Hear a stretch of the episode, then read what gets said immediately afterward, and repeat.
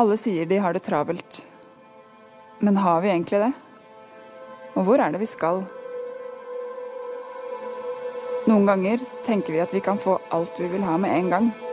Både de små og de store tingene. Men det går jo ikke. Vi tror så lett at hvis noe først er mulig, så kan vi gjøre det kjapt og effektivt. Reklamen eier oppmerksomheten vår i 30 sekunder, men så blir vi lei. Livet er behagelig når det kan forenkles til et kort og enkelt sammendrag bakerst i boka. Og det er i denne virkeligheten vi skal prøve å holde interessen for evangeliet oppe. Men klarer vi det? Klarer vi å holde interessen der? Lenge? Lenge nok til å få røtter, sånne som tåler vind og vinter. Millioner av mennesker sier ja til å ta imot Jesus Kristus. Man er født på ny, sier man. Men derfra, da? Hvordan ser det ut? Vi har så lyst til å kjenne og erfare Gud, finne de gode opplevelsene, liksom. Men tenk om vi også kunne finne tryggheten og gleden i å bli og være tålmodige disipler. Som dager og år lever livet sitt i rytme, i takt med mesteren. De slitesterke vanene, det trauste, det livsviktige. Det er blitt sagt at det ser ut som det vesentlige i himmelen og på jorda er at man går lenge i én og samme retning. Ut av det har det alltid, og vil det alltid, komme noe som gjør det verdt å leve på jorda. Røtter, rytme og retning.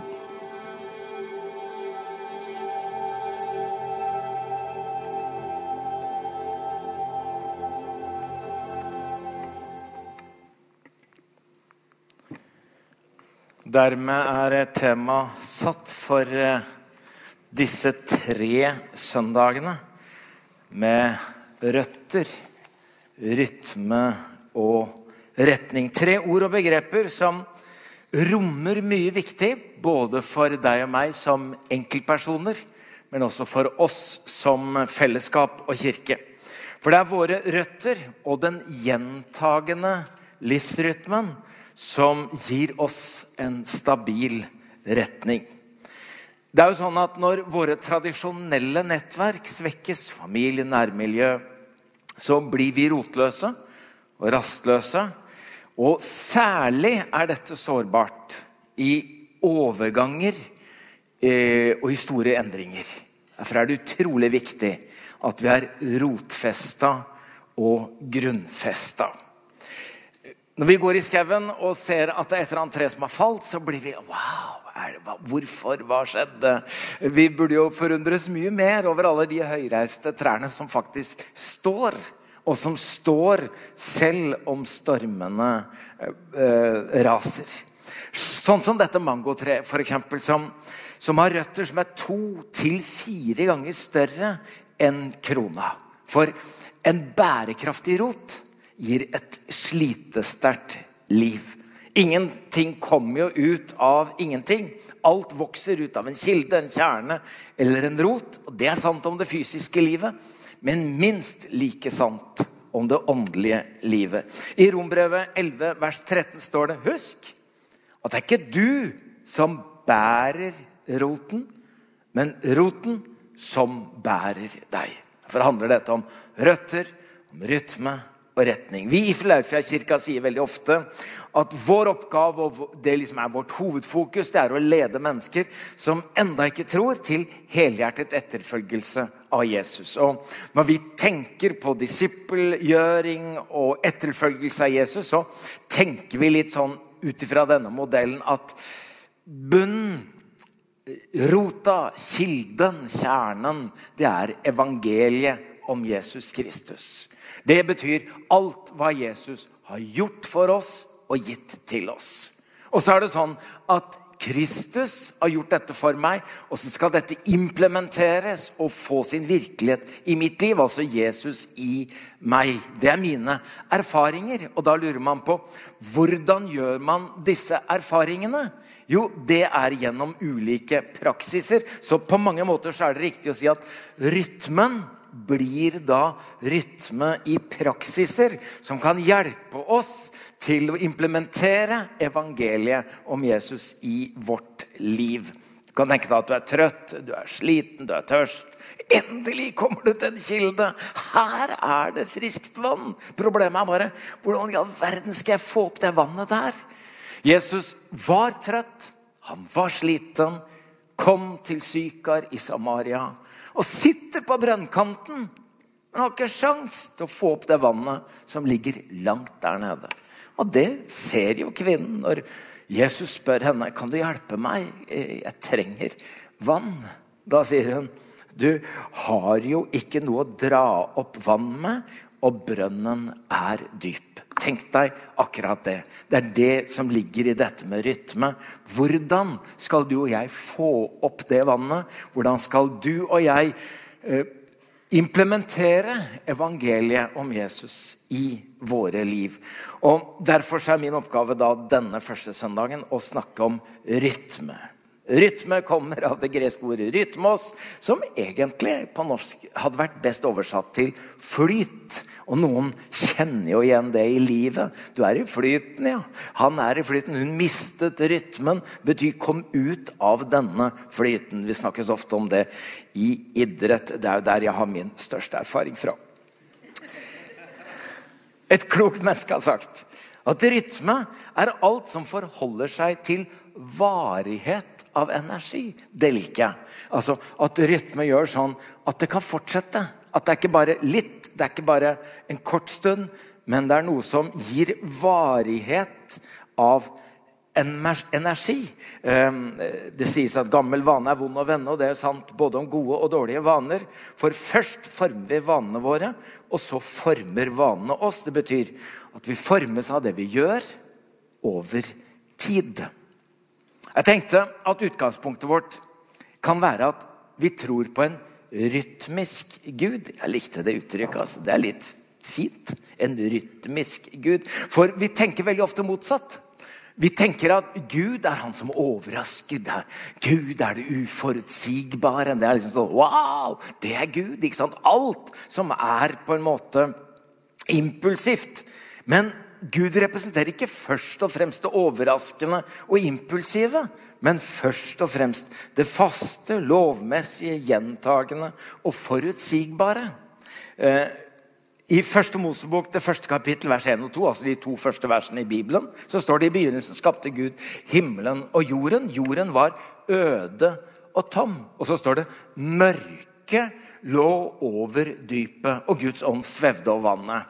Mørket mørket lå over dypet, beskrives i gresk mytologi som kaos. Altså, det var kaos. Det betyr uorden. Det betyr eh, mangel på system, mangel på struktur. Det var ikke satt sammen. og Derfor så sier, sa grekerne at det som var kaos, ble til kosmos, altså ble til orden. Kosmos betyr orden. Og hvordan ble det det? I vår tro er det veldig tydelig. Johannes skriver i begynnelsen var ordet, altså logos. Så kosmos ble, eller kaos ble kosmos, orden, ved logos, ved Jesus, ved ordet. I første Mosebok 1, vers 3-5, så står det da sa Gud det skal bli lys, og det ble lys. Og Gud så at lyset var godt, og Gud skilte lys fra mørket. Gud kalte lyset dag, og mørket kalte han natt. Og det ble kveld, og det ble morgen. Først da utrolig forutsigbart. Bare sånn Er det mulig? Gud har sans for system. Gud har sans for struktur. Gud har sans, sans for rytme. Det er ikke sånn å, nå er det natt. Jeg lurer på om det kommer en natt til først. Ja, nei, det ble visst dag. Ja, For det er sånn at Gud satte dette i system. Dag og natt som skifter mellom lys og mørke. Årstider som skifter mellom kulde og varme. Sykluser som skifter mellom modning og innhøstning. Vi kaller det vanligvis for naturens orden. Og man gjenkjenner naturlover som om dette er noe naturen har funnet på selv. Vi som tror på Gud som skaper, tenker at det er Guds natur, hans lovmessighet, som har skapt orden i kaos. Jeg tenker at vi tror på en rytmisk Gud. Og Derfor handler det om å finne en naturlig livsrytme. At Gud har lagt det ned i sitt skaperverk, også inn i mitt personlige liv. At det veksler mellom aktivitet og søvn, arbeid og hvile, hjerteslag og puls, innpust og utpust. Det er utrolig at dette Guds lovmessige ligger i mitt liv, i hjerteslagene mine, i innpusten min og utpusten min. Og av og til når jeg kaver, så har jeg behov for liksom å bare kjenne livsrytmen i mitt eget liv. Av og til så kommer man jo litt ut av døgnrytmen, som f.eks. siste annerledestid for veldig mange. Eh, noen eh, kom seg ikke på universitet og fikk studert, og noen ble permittert, og noen av oss har hatt et litt sånn annerledes liv en stund og eh, kom litt ut av døgnrytmen også. De prøver å legge deg ellers sånn rundt midnatt, så blir det klokka to, og så begynner du å våkne klokka ti, og så tenker jeg hvordan i all verden skal jeg komme tilbake til den vanlige døgnrytmen? Og NRK.no sier mange sliter med å komme i vanlig rytme igjen når hverdagen med jobb og skole begynner for fullt. Og jeg tenker at det er noe i denne livsrytmen som også følger livsfasene. Det er ikke sånn at du er ung, og så lurer du på om du nå blir barn eller om du blir gammel. Nei, Det er et slags sånn system på deg Så veldig mange gamle prøver å bli veldig unge. Men det er noe med fra fødsel til død forutsigbart. Og at vi klarer å finne livsrytmen i litt ulike livsfaser. Det betyr at noen ganger må du slå om takten. Noen ganger kan du ha en høyere rytme, andre ganger trenger du en lavere rytme. Men det fins en grunnleggende livsrytme. For alt skapte han vakkert. Hver ting til sin tid. Ja, alle tider har han lagt i menneskenes hjerte Likevel kan ikke mennesket fatte det Gud har gjort, fra begynnelse til slutt. Så vi skal altså ikke kjempe imot, prøve å overprøve eller gå imot det som ligger i den alminnelige livsrytmen som Gud har lagt ned i oss. Da betaler vi en høy pris. Snarere tvert imot må vi prøve å finne den naturlige livsrytmen som Gud har lagt ned, for han er en rytmisk Gud. Men jeg tenker at det fins en egen rytmesans hos disiplene. Da vet jeg at dette med rytmesans er litt sånn slitsomt ord for noen, for at du fikk kompleks med en gang bare jeg nevnte det. Altså Du får jo panikk hver gang en eller annen her oppe sier nå, nå klapper vi på toeren og fireren. Hvor er toeren? Hvor ble det av fireren? Hvorfor klapper ikke alle de andre akkurat når jeg gjør det? Det er sånn. Og Jeg har gått i korps, og det er morsomt å se liksom at en hel gjeng klarer å gå i takt. Og så er det alltid en eller annen som liksom prøver å finne takten, og det er ikke så farlig om du ikke klarer å klappe i takt eller gå i takt. Men det der å finne en rytme som disippel som gjør at du har noe gjentagende rytmisk i din etterfølgelse, hvor vi trenger en rytme å følge. Vi trenger en regelmessighet å leve etter. Vi trenger en rutine å bli båret av. Og så trenger vi ritualer å praktisere. Jeg har lyst til å nevne tre for å koble oss på noe som allerede er. Sånn at du slipper å tenke at det starter med deg. Du kan koble deg på det som allerede er satt. Det første jeg nevner, er høytidsrytme. Rart.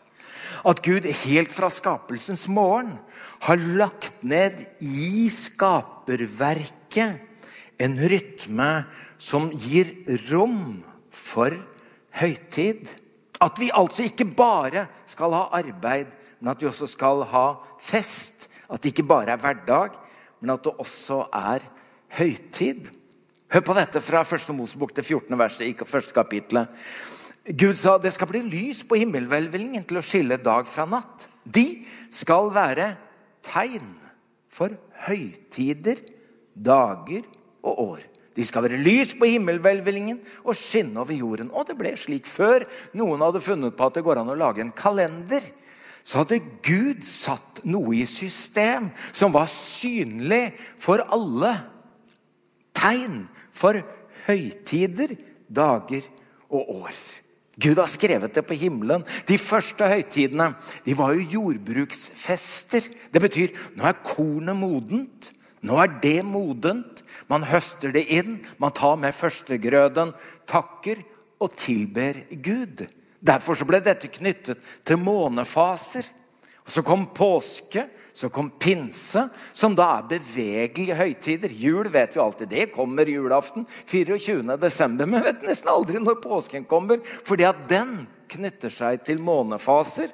Sånn at påskedagen er alltid første søndag etter første fullmåne etter vårjevndøgn. Det er jo strålende at Gud fra skapelsens morgen har tenkt at vi her nede trenger et helårsstruktur. Noe å innrette livet vårt etter, og noe å planlegge våre liv for. Noen av oss som har ledet type virksomheter, har jo brukt årshjul. For jeg tenkte at det er fint å kunne se det for seg. At hvis vi gjør det i januar, så kan det skje i mars. Og hvis vi gjør det i juni, da er det bra i oktober. Og så bruker man årshjulet for planlegging. Det er jo ingen selvfølge at vi som lever i et sekulært samfunn, fortsatt har en kalender som i så stor grad eh, dreier seg om de store kristne høytidene. Om jul, om påske, om Kristi himmelfart og om pinse. Men det er klart at et sekulært samfunn det vil jo etter hvert også sekularisere høytidene, sånn at høytid egentlig bare blir ferietid. Og det som var ment som helligdag, egentlig bare blir en fridag. Og så er det noen som klager på de som leder samfunnet, men det kan jo ikke være politikerne som skal fylle høytidene med innhold. Det er det jo kirka som gjør. Og Derfor så er det ikke bare en kalender, men det fins et kirkeår. Et liturgisk år, som det kalles. Og dette liturgiske året har på en måte grepet inn i kalenderåret med sin egen rytme. På samme måte som det skjer skiftninger i naturen med vår og sommer og høst, så skjer disse skiftningene også i kirkeåret. Jeg skal jo det erkjenne det, altså Som pinsepastor i en pinsekirke så er det liksom ikke kirkeåret som har ligget helt øverst i bevisstheten. Men man lærer jo noe underveis. At kanskje at vi kunne lære oss noe om rytme i året som handler om å følge det som ligger der i høytidene. Tenker deg at det fins en adventsperiode, det fins jul, det fins en fasteperiode. Så kommer påske, så går vi inn mot Kristi himmelfart og har pinsenovena, og så kommer pinsen. Vet du hva? De store høytidene før og etter dekker omtrent halve året. Og så tenker du det året der det handler jo om kirka. Nei, kirkeåret, det liturgiske året, handler om Jesus. Sånn at bare det å følge syklusen i kirkeåret er en vandring, en etterfølgelse av Jesus. Sentrale tekster som hjelper meg å komme inn i fortellingen. Og etter hvert som jeg går inn i disse fortellingene, så går disse fortellingene inn i meg. Og så blir det min fortelling om mitt liv. Altså, Vi feirer ikke bare noe som var, men vi lever i det som er, og det som er, begynner å leve i oss. Så kan man få hjelp til sånt. Eh, det er mange bøker, men en av de som jeg setter pris på, er boka som Peter Haldorf har skrevet, som heter 'Hellig år'. Nettopp om dette liturgiske året. og En slags guidebok gjennom kirkeåret. Han er utrolig god til å åpne ting som ellers ikke er så opplagt. og Peter skriver på baksida boka ønsker å vekke en lengsel og en motivasjon til mer bevisst å følge rytmen i kirkeåret. Koble deg på høytidsrytmen. Og så tenker jeg at det ligger også nedlagt en helligdagsrytme. I skapelsen så er det jo sånn at dagene får ikke navn, de får bare tall. Det er første dag, andre dag, tredje dag, fjerde dag. Men den syvende dagen fikk ikke bare et tall, den fikk et navn. Sabbaten, hviledagen. Og det første i Bibelen som kalles hellig, det er ikke et sted. Det første som kalles hellig i Bibelen, det er en tid. Den syvende dagen, sabbaten, den skulle være hellig. Det står Gud velsignet den sjuende dagen og helliget den.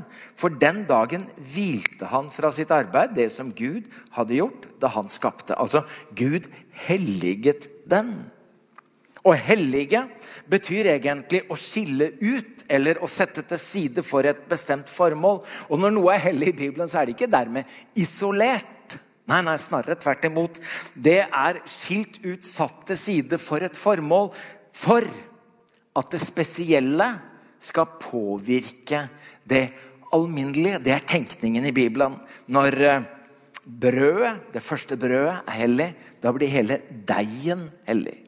Når rota er hellig, blir hele treet hellig. Det er fantastisk å tenke når vi tenker dager gjennom uka. Tenk at Gud har tenkt. At de trenger ikke bare hverdager.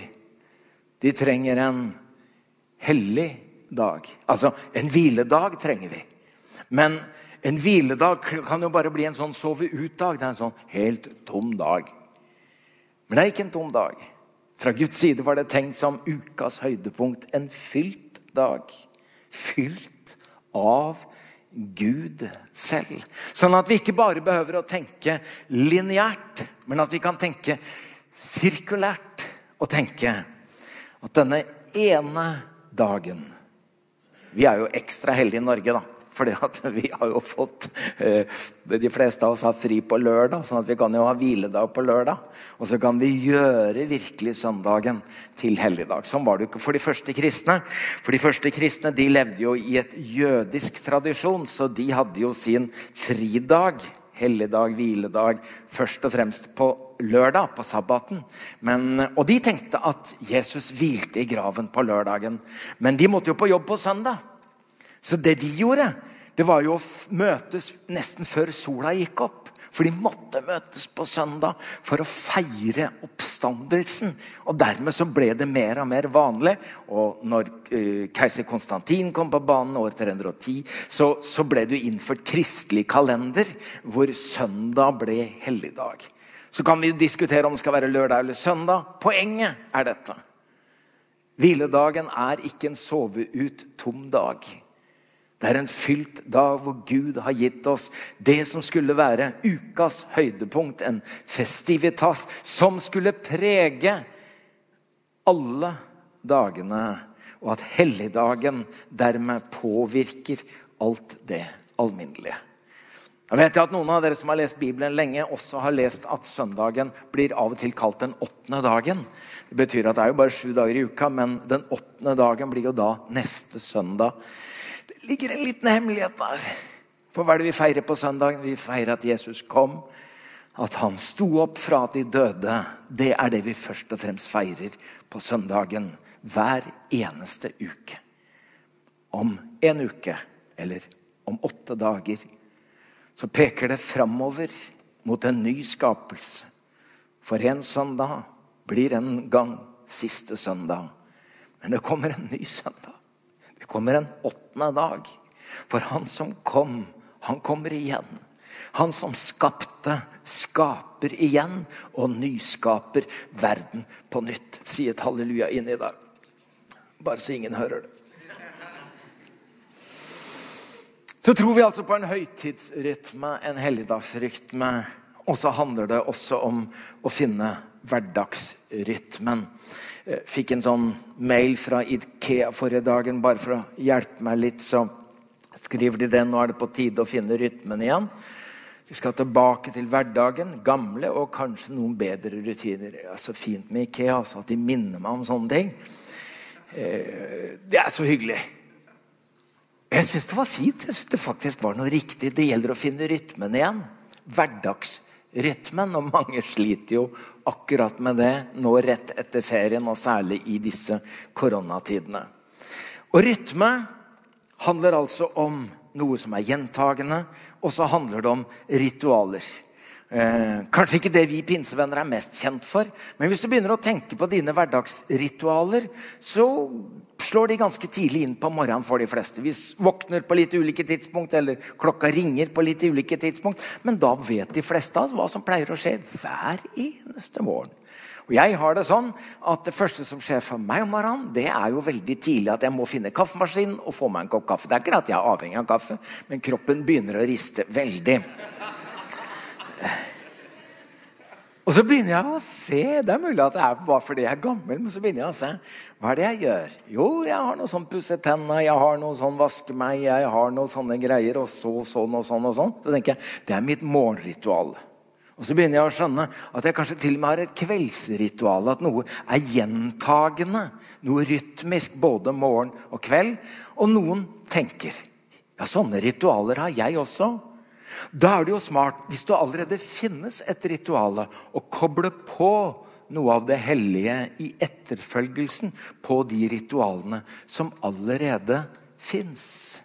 Noen de har f.eks. abonnert på Bibelselskapets uh, bibelord og får det på uh, telefon hver dag. Hvor de får hjelp til å gå gjennom tekster, får hjelp til å lese noen vers, reflektere over det, tenke på anvendelsen av det og be over det.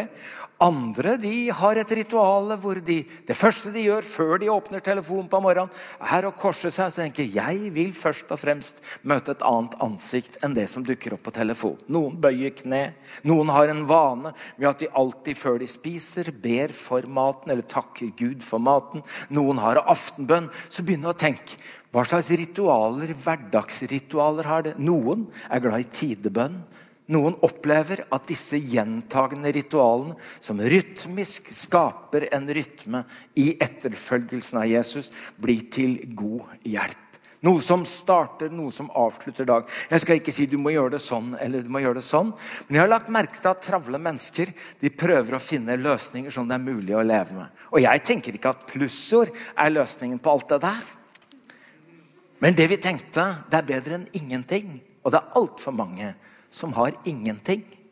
Så vi tenkte at hvis vi kan lage én daglig andakt på ett minutt, en tanke i et tema, inn mot et bibelvers, antyde en bønn og en takk, i velsignelsen, så har folk fått bedre enn ingenting. For noe trenger vi i vår hverdagsrytme, i vår etterfølgelse av Jesus. Jeg er veldig stolt av at det er nå mer enn 40 000 følgere på Instagram og Facebook på dette. Og jeg tenker at det bare sier noe om et behov for noe som handler om en hverdagsrytme i etterfølgelsen. Finn det som funker for deg. Tenk igjennom de ritualene som allerede går, og tenk at det kanskje allerede ligger der, og koble det på de ritualene du lever i. Nå har Sondre allerede snakket varmt om småfellesskapene, og jeg tenker i dette. Hverdagsrytme handler om den vertikale koblingen til Jesus. Og så handler det også i hverdagen å finne et fellesskap hvor jeg kan dele liv med noen i min hverdag.